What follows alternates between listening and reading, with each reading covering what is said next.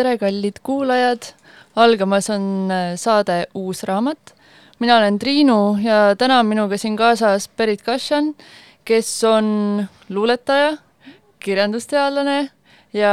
biblionaut ja lisaks veel aitab inimesi läbi raamatute lugemise ja kirjutamise. ja räägi meile siis natukene lähemalt või siis tutvusta inimestele, mis asi on äh, biblioteraapia? tere! Äh, jah, ähm, kõige üldisemalt öeldes on siis biblioteraapia kirjanduse kasutamine inimeste või inimese psüühika toetamiseks või siis elu toetamiseks. ja, ja seda siis äh, tänapäeval on, on üha enam hakatud ka kombineerima teraapilise kirjutamisega et noh, need tegelikult on, on ju sellised asjad, mida igaüks saab teha ka omapäi ja eks seda tehakse ka, üldiselt loetakse ikkagi üksi aga, aga seda on siis võimalik, võimalik teha ka koos terapeudi või siis tegevus või noh, tegevusjuhendajaga nii-öelda, jah. ja sa oled nüüd meie juures ehk siis bändis andnud ka mõned kursused ja palju sa üldse oled või kui kaua sa oled sellega juba tegelenud hmm,? praktikuna nüüd vist hakkab saama vaikselt kaks aastat täis. aga teoorias vast kuskil aastast kaks tuhat kümme ehk, kui ma selle valdkonnaga esimest korda kokku puutusin. ja mis on äh, olnud sinu jaoks need kõige suuremad avastused selle aja jooksul, et kui võimas tööriist see tegelikult on mm.?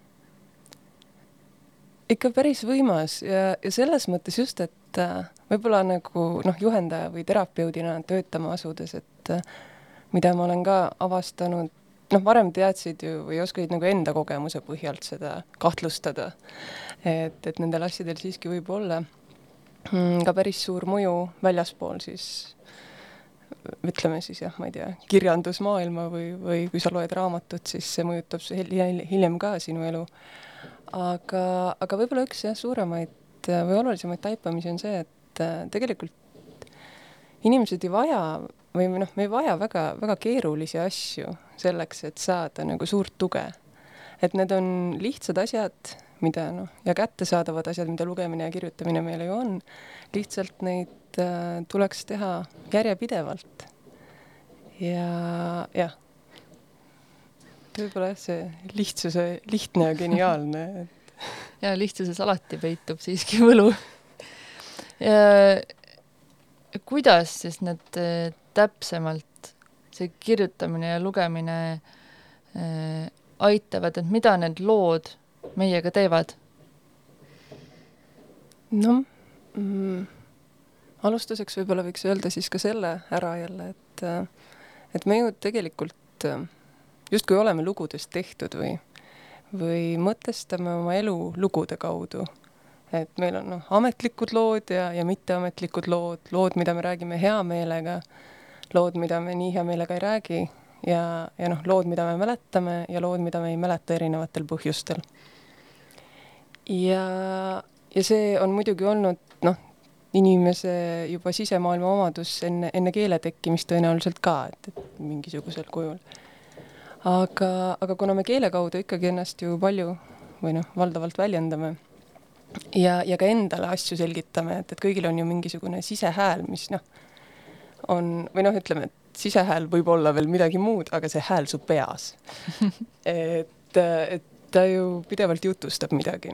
Ja, ja kui hakata nagu jälgima seda, mida ta jutustab eh, ja, ja noh sealt, sealt juba hakkavad siis järgmised, järgmised teemad hargnema, et kas ta räägib neid lugusid, mis sind toetavad või, või hoopis, mis mm, no mitte päris lõhuvad, aga ütleme, saboteerivad sinu soove. ja, ja siis lugemise ja kirjutamise kaudu mm, kuna mingil, noh, võib-olla see nüansside selgitamine läheks, läheks liiga spetsiifiliseks, aga ütleme nii, et usaldage mind et, et mingisugusel tagasi, tasandil nad ikkagi on, on mõjusamad kui, kui kõnelemine. et kui sa kirjutad mingisuguse teema läbi enda jaoks, siis äh, sinu aju võtab, ta usub seda juba rohkem. ta võtab seda rohkem kui tegu, kui see, kui sa sellest lihtsalt räägid. muidugi seal noh, rääkimine ja kirjutamine võivad ka olla, ütleme, ühe paranemisprotsessi erinevad etapid, mida nad, mida nad ka on tegelikult. ja kui äh, äh, rääkida siis lugude nii-öelda parandavast võimest, siis me ikkagi siin mõtleme ilukirjandust põhiliselt, et äh, need, need raamatud, mis ongi mõeldud eneseabiõpikutena, et ne-, noh, need mingil teistsugusel tasandil võib-olla kedagi aitavad, aga me, noh, meie siin räägime äh, siis ilukirjanduslikest teostest, et kuidas, kas siis fiktsioon äh, meid äh, ikkagi mõjutab, et äh, teiste lugude läbielamine aitab siis meid äh,, meid ennast aitab ennast avastada ja olla äh, siis ka empaatiavõimelisem teiste suhtes. Ja see juba noh, ühesõnaga see on suur areng lihtsalt kogu aeg. et äh, mis kriteeriumide põhjal äh, sa üldse oma teraapiates äh, neid äh, teoseid või tükke valid? või, või kas on need spetsiifiliste mingite mm, probleemide jaoks on kindlad mingid raamatud või mingid lõigukesed, mida sa soovitad lugeda mm. -hmm. aitäh sulle selle täpsustuse eest, et äh, ma natukene lisan sellele esimesele poolele ja siis, siis ma vastan sellele küsimusele ka, et, et jah, et, et ilukirjandus on siis jah, tõesti ennekõike see materjal, mida, mida siis biblioteraapias kasutatakse. aga noh, tegelikult samamoodi mõjuvad ka ütleme, hästi jutustatud lood, noh, selles mõttes üks noh, kellegi tuttava lugu, mis on hästi jutustatud, et kui sa elad sellesse sisse, ja, ja elad seda kaasa, et mm, et siis sa võid ju sealt samamoodi palju, palju võtta enda jaoks ja, ja no see omakorda taandub siis muinasjutu vestmise traditsioonile, et ütleme kirjaeelsele ajale, et et me elame ju ka lugude keskel kogu aeg. ja mm, jah, ja nende materjalide valiku puhul mm, äh, eks eks ma suuresti lähtun noh, ütleme sellest teemast, mille peale ma siis äh, konkreetse kohtumise plaanin üles ehitada, et äh, et noh, et mõnikord äh, vaatleme lapsepõlvemälestusi ja, ja nii edasi, et, et või, või mingisugust konkreetset emotsiooni, millega, millega töötada. et aga noh, ütleme, et kui hakata seda teksti valima, et, et ma kasutan siiski palju ka luuletusi, et lühemaid tekste, mida me selle noh, keskmiselt või tavaliselt pooleteise tunni pikkuse kohtumise jooksul, et et see on siis ka tekst, mille jõuab koha peal nii-öelda läbi lugeda ja, ja läbi elada. et äh, muidugi peab, peab jälgima seda, et, äh, et see ei oleks, no ühesõnaga jah te,, teatavad parameetrid selles mõttes, et, et see ei oleks nüüd ütleme lausmasendav või, aga noh, teine asi on jällegi see, et, et seda, ütleme, tõsist materjali ei, ei tasu ka peljata, nagu ei tasu peljata nalja, et, et saab teha väga sügavat tööd äh, läbi naeru ka. aga mm,, aga noh, öeldakse, vähemalt nagu mind on õpetatud praeguseks, et noh, et üks ähm,, et nad väga väga halb asi, mida teha, on ka see, et, et kui pakkuda inimestele, ütleme, nende probleemide lahendamiseks selliseid äh, banaalseid positiivseid seletusi. ja seda sa saad teha ka läbi noh, kirjandusteksti, et äh, et vaata, aga tema lahendas ju oma mure nii, lahenda ka seda niimoodi, et noh, aga kui see ei ole sulle eluliselt usutav, siis see pigem nagu noh, rikub su tuju. aga, ja võib-olla üks siis veel jah, et, et see, noh, ma räägin siin nagu muredest ja, ja teraapiast, et et tegelikult Mm, kirjutamise ja lugemise puhul, et nagu vist alguses põgusalt ka öeldud sai, et tõesti, et need on ähm, ütleme, et need on sellised vahendid ikkagi, mida nagu ähm, noh, neil on, neil on tohutu efekt ka lihtsalt siis, kui sul ei ole mingisugust konkreetset nagu suurt baasmuret, mida, mida sa hakkad sellega lahendama. ja ega need katsed, mis on tehtud äh, nüüdseks, näitavad üha enam ka seda, et äh, et lihtsalt kirjutamine või, või emotsioonide päeviku pidamine äh, mõjutab äh, sinu nagu aju ja, ja meeleolu nagu hea, heale poole, kaunis väljend, äh, sama palju kui mingisuguse konkreetse, ütleme, probleemiga tegelemine. et lihtsalt see järjepidevus, et noh, et ma ei tea, ajule meeldib see, et hakkab nurruma, kui sa kirjutad mul praegu lihtsalt tuli üks fakt meelde, mida ma paar päeva tagasi lugesin, et tehti uuring äh, siis äh, laste või noorukite peal,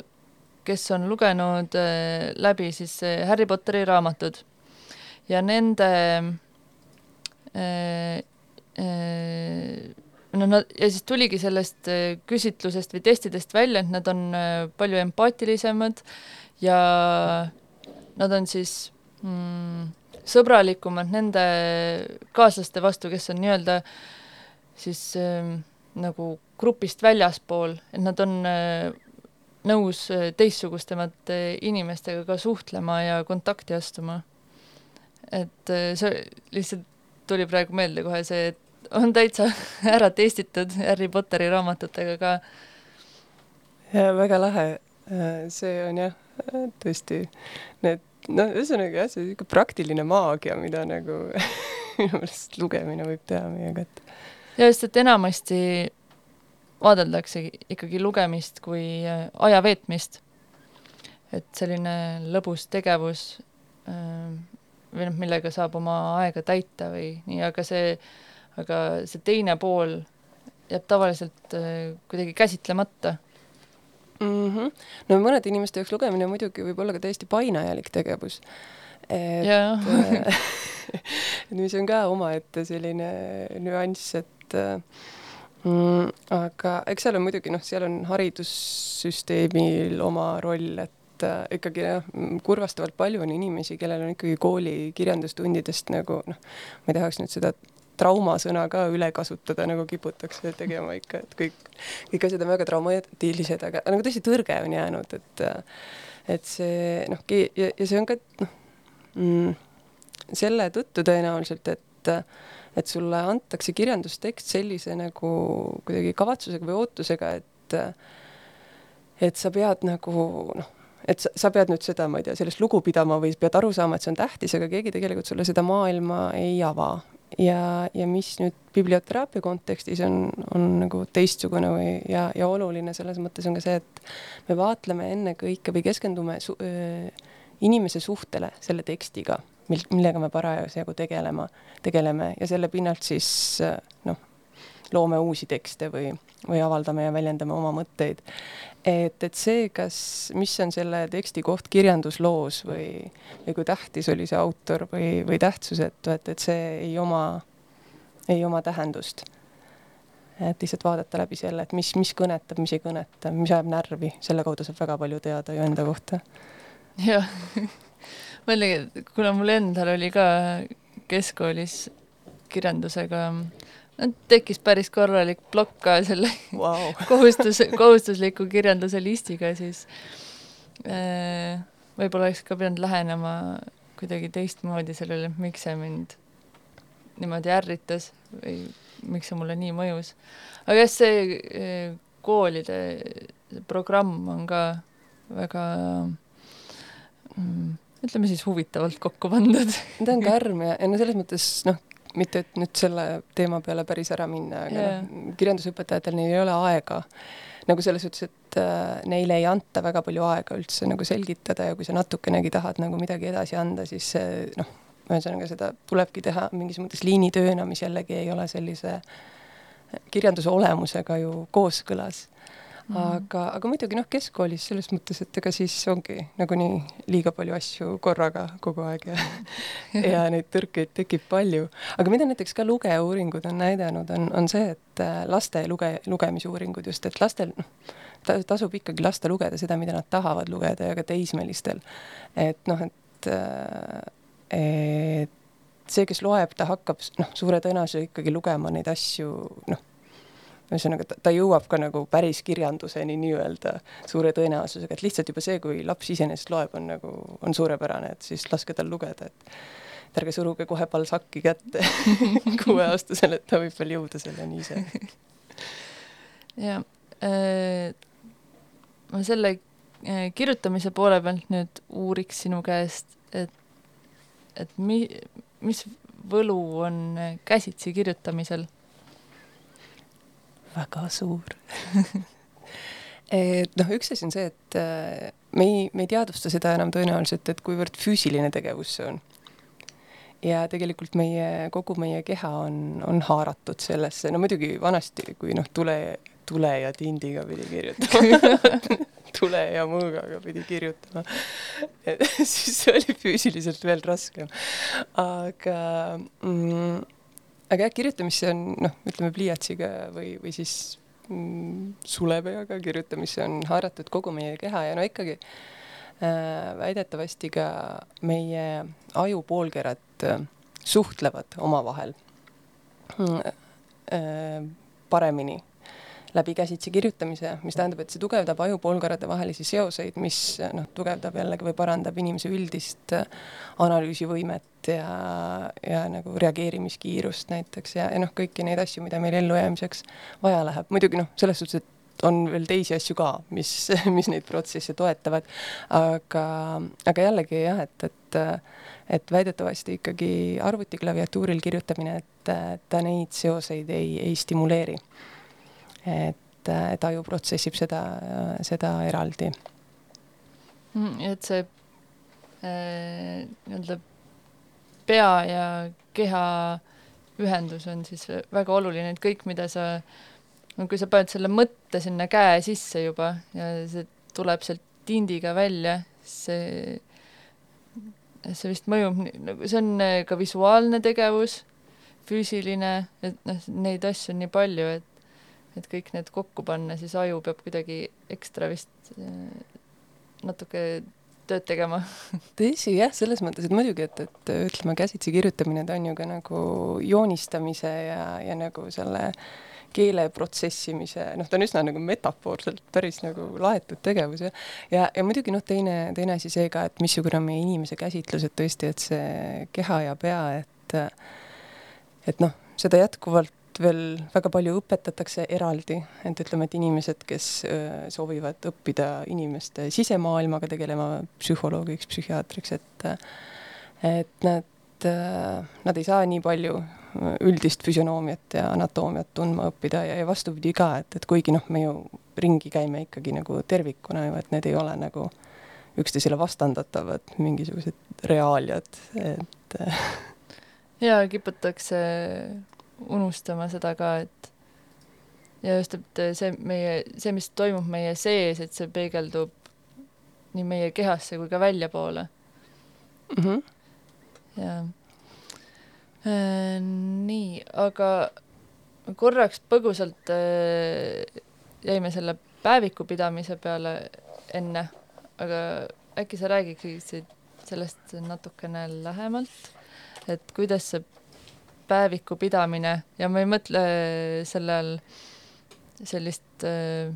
tiinekate versiooni, see noh, selle, sellel on ka oma koht, aga nüüd täiskasvanutena, et äh, kuidas see päeviku pidamine äh, või kuidas see peaks käima või, või kuidas oleks efektiivne mm? -hmm. jah, selles mõttes, et, äh, et muidugi tõesti, et, et tegemist on täiesti äh. Kuidas nüüd, mis see sõna on selle kohta, mis sobib kõikidele vanustele, eakohatu. Kõigile eakohatu, kõigile eakohane. Äh, meetod, ütleme nii, et noh, selles suhtes, et kui ikkagi mm, täiskasvanud inimese väga-väga aus emotsionaalne päevik on, on ka tiinekapäevik üldiselt. et eks me ju mm., meis elavad edasi ju kõik need noh, ma ei saa öelda päris nagu inimesed, aga meie eluetapid, et, et meie aju on ka ju nagu muuseum, et rääkimata nagu isiklikust eluloost ja selle fragmentidest, et meis noh, mingil tasandil elavad ka edasi kõik, ma ei tea, meie eellased. et ja noh, seal on see mm, jah, juba, juba need reaktsioonid, eks ole, et, et me põgeneme ja et kas võidelda või põgeneda ja et, et me tegelikult kasutame ikkagi neid samu samu nagu võtteid argipäevas, kui me seda ei teadvusta. aga päeviku pidamise puhul nii palju, et tõesti, et see on üks mm,. noh, see tuli mulle ka üllatusena tegelikult, kui ma hakkasin seda teemat nagu seda kõike lähemalt uurima. et näiteks Ameerika Ühendriikides on, on päeviku pidamine on täitsa nagu selline eraldi noh, seal on erinevad koolkonnad, ütleme, et eraldi nagu selline positiivse psühholoogia õpetuse haru. ja, ja seal on ka noh, mõned inimesed on, on patenteerinud ära näiteks oma mingisugused konkreetsed päevikumudelid ja et mida siis noh, samamoodi kursustel õpetatakse ja in-, õpetatakse siis inimesi neid kasutama ja järgima. Mm, aga, aga tõesti, et, et see on äh, äärmiselt efektiivne ja, ja lihtne, et äh, ja võib-olla ongi see, et, et ma ei tea, ma esimest korda ka, kui ma kuulsin seda, et päeviku pidamine, et siis ikkagi sellega seostub mingisugune tõesti mingi kallis päevik asi, mis on ka okei okay,, kui see on see, mis sind nii-öelda käivitab. aga, aga et sellele päevikule noh, võib läheneda tõesti või tasukski läheneda nii, nii loominguliselt, kui sa ise seda soovid et sinna võib kirjutada, sinna võib joonistada ja noh, ma ei tea, inimesed kleebivad sinna äh, ma ei tea, ürituste pileteid ja mis iganes, ma olen kuulnud ka lugusid sellest, kuidas inimesed läbi, pärast lahkuminekuid näiteks, et et üks naine, kes rääkis, et tema elukaaslane jättis ta maha enne ühist nädalavahetuse reisi ja siis ta ikkagi läks sinna reisile, aga võttis siis päeviku kaasa ja ta mõtles, et ta proovib siis seda, seda kõike. ja siis ta need kolm päeva ta lihtsalt nagu kirjutas, ütles, et noh, et et ongi, et sa kraabid seda paberit, sa võid lehti välja tõmmata, ära põletada, sa võid kõike teha selles suhtes, et ta on sinu nagu vaikne tunnistaja mm,. Ja, ja siis ta pärast ütles, et loomulikult, et noh, et see ei tähenda, et ma nagu sellest mitmeaastasest suhtest siis selle kolme päevaga täiesti välja tulin, aga mu tunne oli selline, nagu ma oleks need kolm päeva lihtsalt tülitsenud selle inimesega. ja ma hakkasin ise ka aru saama, et miks võib-olla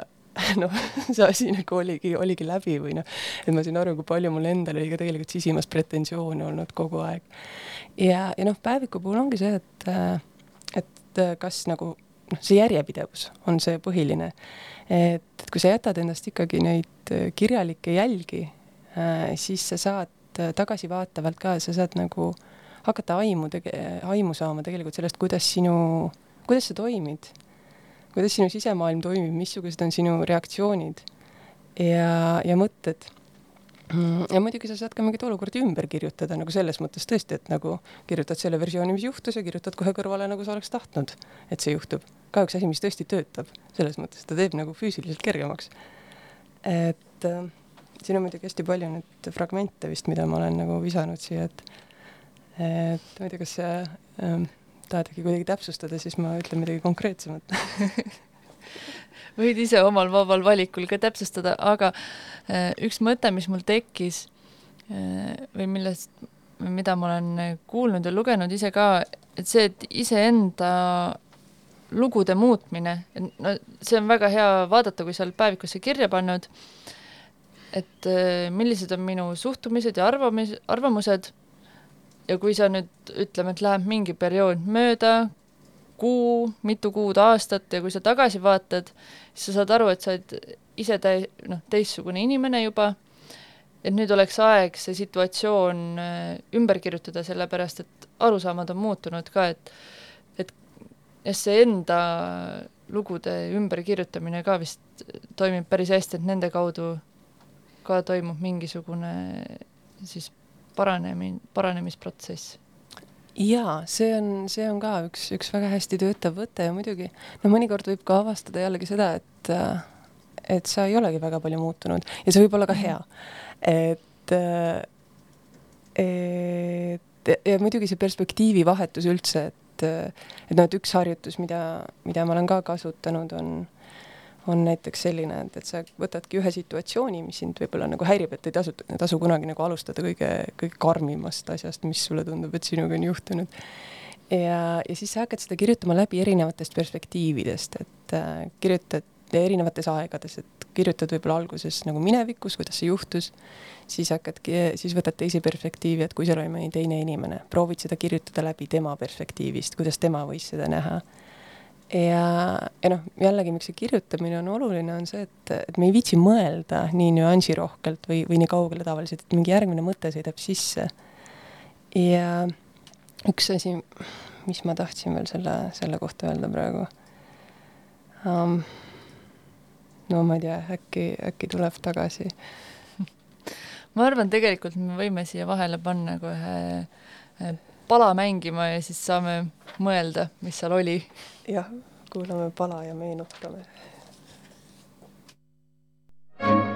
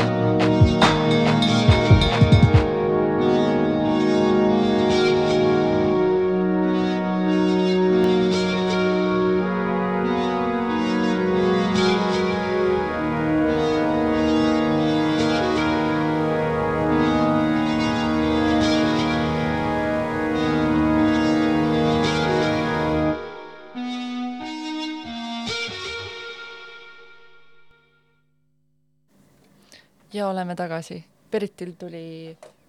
ähm, mõte meelde jah, mul tuli meelde, mida ma enne, enne tahtsin öelda veel päeviku kirjutamise kohta või päeviku pidamise kohta, et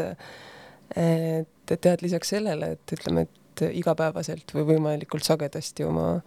oma emotsioone kirjutamise kaudu läbi töötada, et, et selle kergendava efekti, mis see annab, et pikemas perspektiivis see võib anda meile ka nagu hea, hea ülevaate sellest, et juhul, kui me näiteks noh, räägime endale tegelikult kogu aeg ühte ja sama lugu. et, et siis, siis see annab meile sellest märki. et sa saad nagu üles kirjutatuna sellest aru.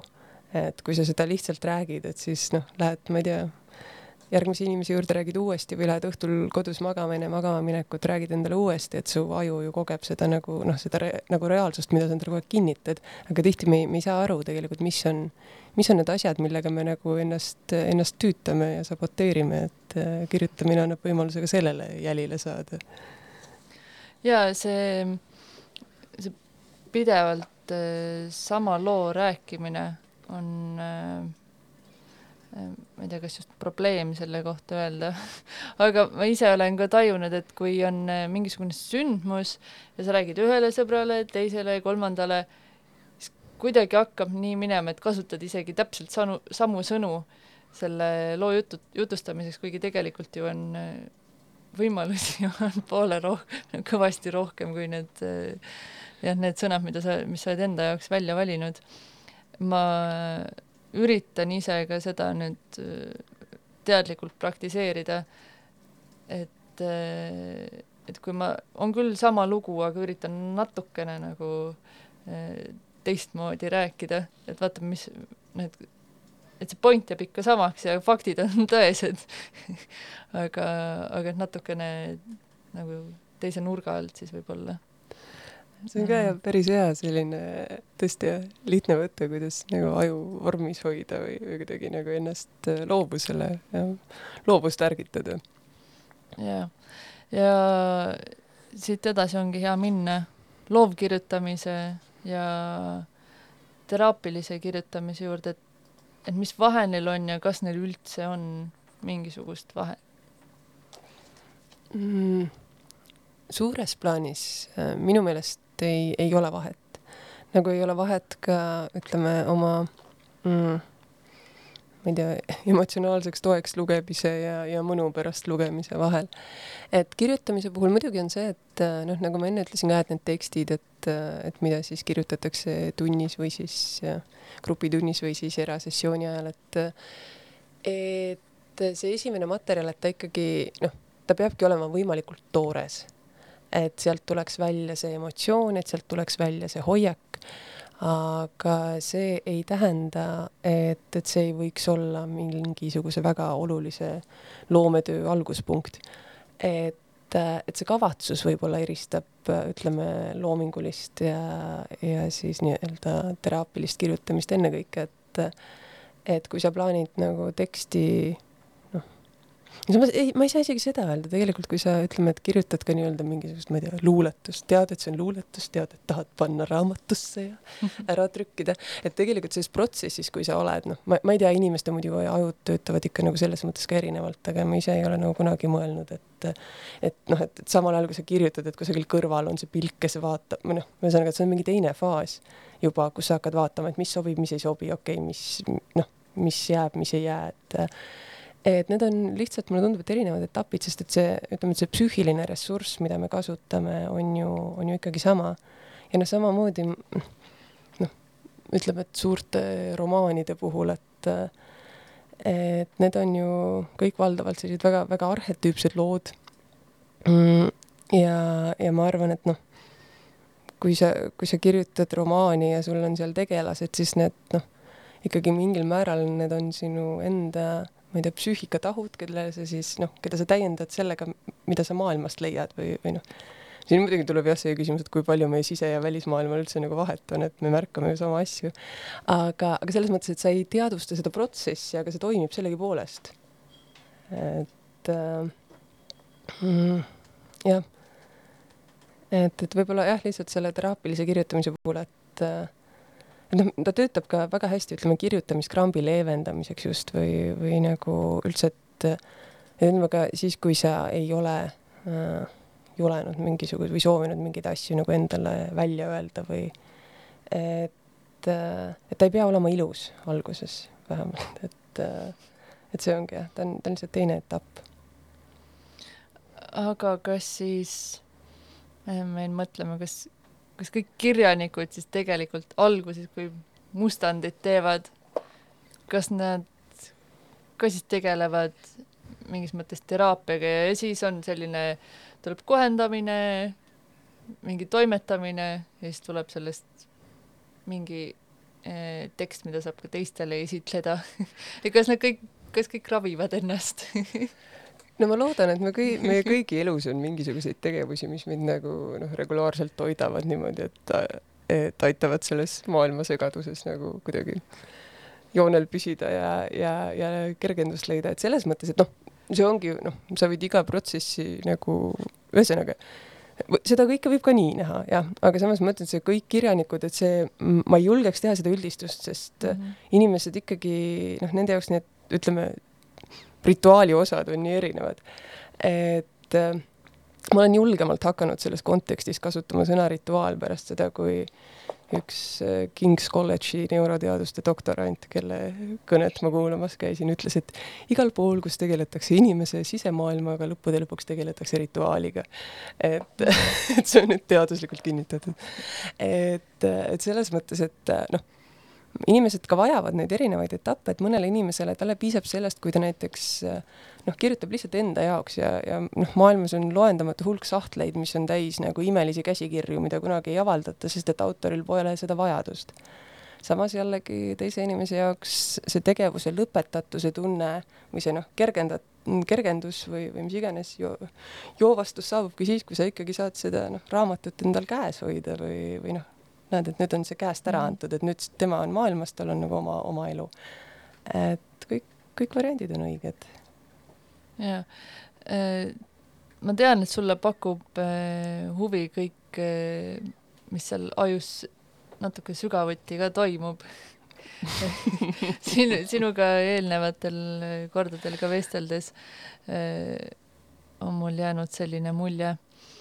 ja ma ise olen ka lummatud kõigest sellest, mida, millest me päris täpselt tegelikult aru ei saa, mis, et kuidas need ajus, need süsteemid toimivad.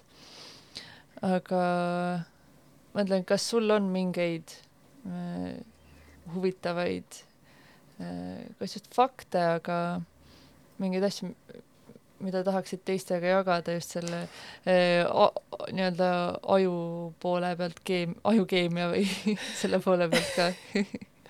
mul, mul endal nagu ühtegi avastust kahjuks ei ole selles valdkonnas, aga, aga tegelikult noh mm,, no mis on seotud ka ütleme selle teraapilise kirjutamisega suuresti, on ju see äh, nii-öelda neuroplastilisuse nähtuse avastamine, mis toimus alles, alles hiljaaegu.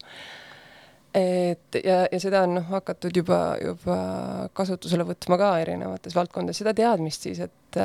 et aju on treenitav Äh, aju muutub äh, vastavalt sellele ikkagi, kuidas, kuidas me teda kohtleme ja missuguse infoga me teda varustame ja, äh, ja ajupiirkondadel on võime tegelikult võtta üle üksteise funktsioone, kui on tarvis, et aju on tohutult plastiline ja, ja me ei, me ei saa veel täpselt aru isegi, kui palju ressurssi selles, selles on. ja mm, võib-olla. Ma enne tegin mingeid märkmeid ka just selle aga, aga jah, ja see ka, et, et äh, mis ka järjepidevalt ikkagi leiab kinnitust, et tõesti, et äh, erinevatel vist siis evolutsioonilistel põhjustel, et äh, me ikkagi, meile jääb nagu negatiivne paremini külge kui, kui positiivne.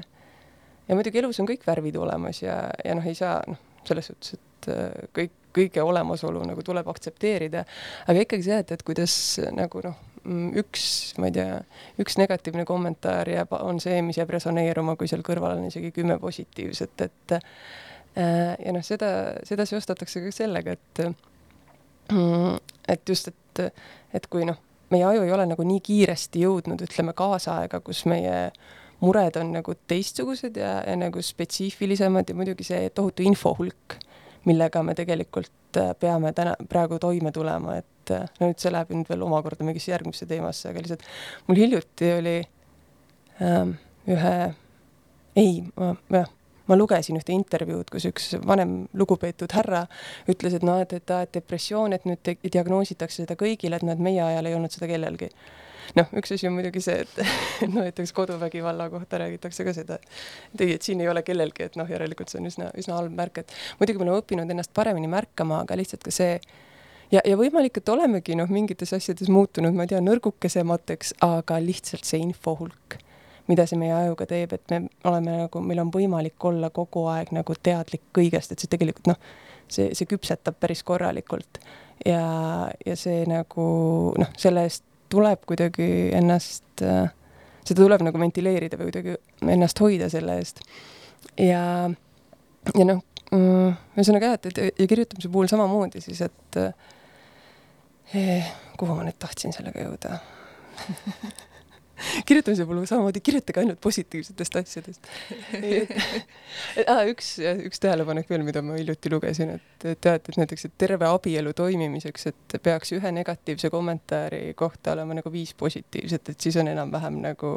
balansis see asi ja, ja, ja, ja mingi, mingi teooria selle kohta ka, et, et meie nagu see velcro ja teflon, et umbes, et meie ajus on nagu, et me võtame nagu krõpsuga külge nagu kõike, mis öeldakse halvasti, aga, aga neid ähm, asju, mis nagu, mida öeldakse hästi, et need meile nagu nii hästi külge ei hakka. ja just jah, seda ma tahtsingi öelda, et ja kirjutamise kaudu me saame nagu neid nii-öelda tugevdada, neid seoseid, mis siis tegelikult äh, noh toetavad meie nagu kavatsusi ja seda, võib-olla ka seda head nii-öelda omaks võtta paremini. noh, eriti siin kultuuris, et kui keegi teeb sulle komplimendi, et siis noh, mida, mida sa tavaliselt ütled? et aa, et, et et nii, nii ilusad kingad, et mida sa ütled selle peale? ma ütlen enamasti aitäh aga ma ei tea, kuidas teised vastavad see on juba väga hea, et, et kui sa ütled lihtsalt aitäh, et sa ütled aitäh, need on tegelikult nii vanad ah, ja mingi negatiivne või noh, selline. või nagu ikka natuke nagu vabandad, et yeah. mm, et, et noh, ja noh, võib-olla alati jah, okei okay,, see läheb juba mingisse teise teemasse, aga noh, panna tähele tegelikult neid hetki, kus me nagu tõrjume äh,, tõrjume noh, neid, ütleme, neid väheseidki häid asju, mida meil oleks võimalik nagu kinni püüda ja omaks võtta ah,. ja siit jah, jõudes veel kirjutamise juurde tagasi, et üks asi, mida ma olen ise hakanud tegema viimase paari kuu jooksul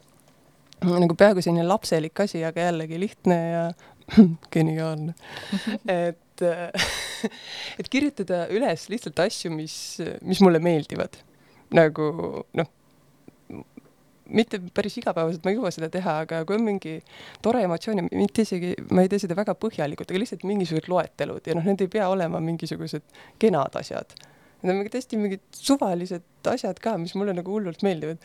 ja, ja juba, kui sa teed seda mingi kuu aega, et siis sa hakkad seda üle lugema ja tegelikult tekib ka endast mingi päris äh, nagu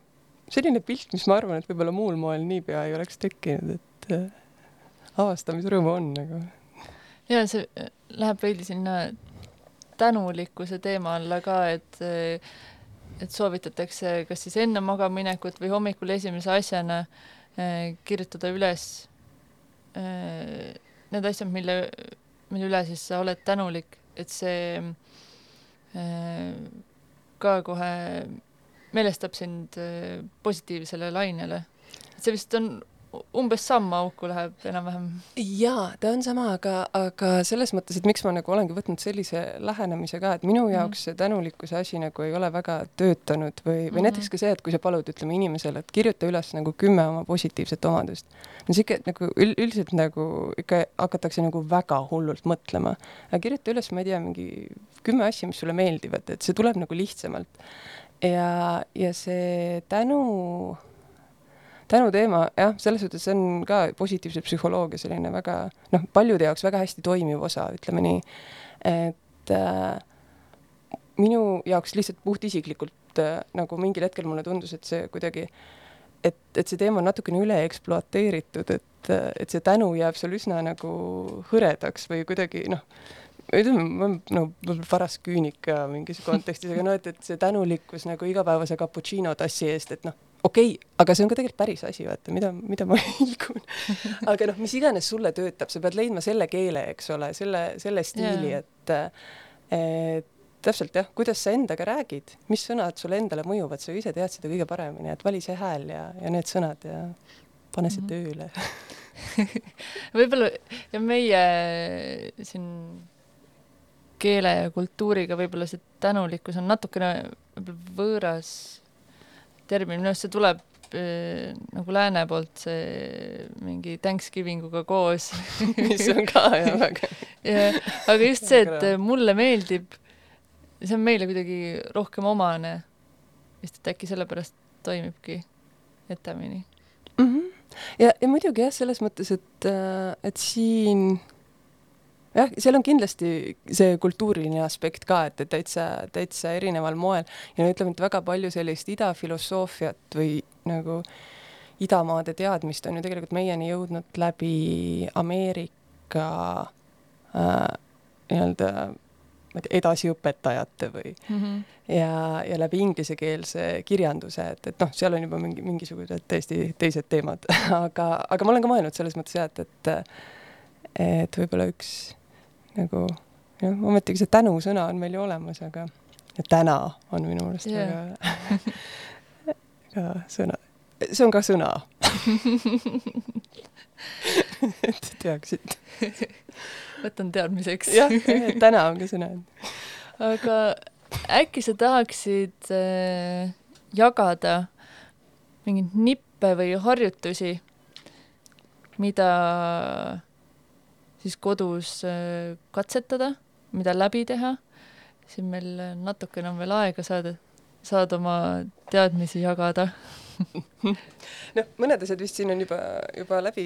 yeah. käinud ka, et, et noh, ma julgeks jah, praegu seda, seda meeldivate asjade, ma ei tea, logiraamatut soovitada, et mm -hmm. et sa hakkad ise aru saama, missugune karakter sa oled nagu, et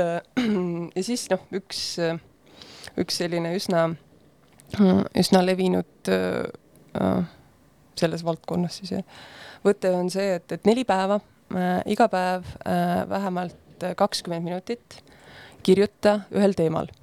mm,. et otsusta enne see teema ära ja, ja kui kirjutad, siis noh, et kirjuta nagu noh, nii nagu, nagu tuleb. et, et ära, ära toimeta, ära, ära mine tagasi, ära paranda, et lihtsalt kirjuta, kirjuta välja ja, ja see, kui need neli päeva saavad sul tehtud, siis, siis loe üle ja, ja vaata, mis sa leidsid. et äh, igaüks leiab natuke erinevaid asju, aga, aga see noh, millegipärast just see, see neljapäevane tsükkel, et see on nagu erinevate gruppide peal äh,, peal testitud või inimeste peal, et, et see toob nagu mingisuguse olulise kergenduse. ükskõik mis teemal siis mm.. ja mida, mida veel? selles suhtes, eks see on ka nagu noh, hakkad otsast pihta, siis, siis tekib ju oma, oma loovus läheb ka tööle, ütleme, et sa saad aru, mis sulle meeldib. näiteks noh, nimekirjad on ka üks asi, aga sellest noh, selle, selle päevikuga juba vist oli korraks natuke nüüd juttu, aga seoses. aga, aga ma ei tea, võta mingi pool tundi ja, ja kirjuta, et sada asja, mida ma kindlasti tahan selles elus ära teha jälle ära mine tagasi, ära toimeta, ära nagu mõtle selle peale, kas sa kordad midagi või mitte, et korduste kaudu tulevad ka jällegi mingid olulised asjad esile, et, et noh, tuleb välja, mida sa ikkagi nagu kõige rohkem tahad teha ja ah,, ja lugemissoovituste osas võib-olla, et äh, lugege neid raamatuid, mis teile lapsena meeldisid.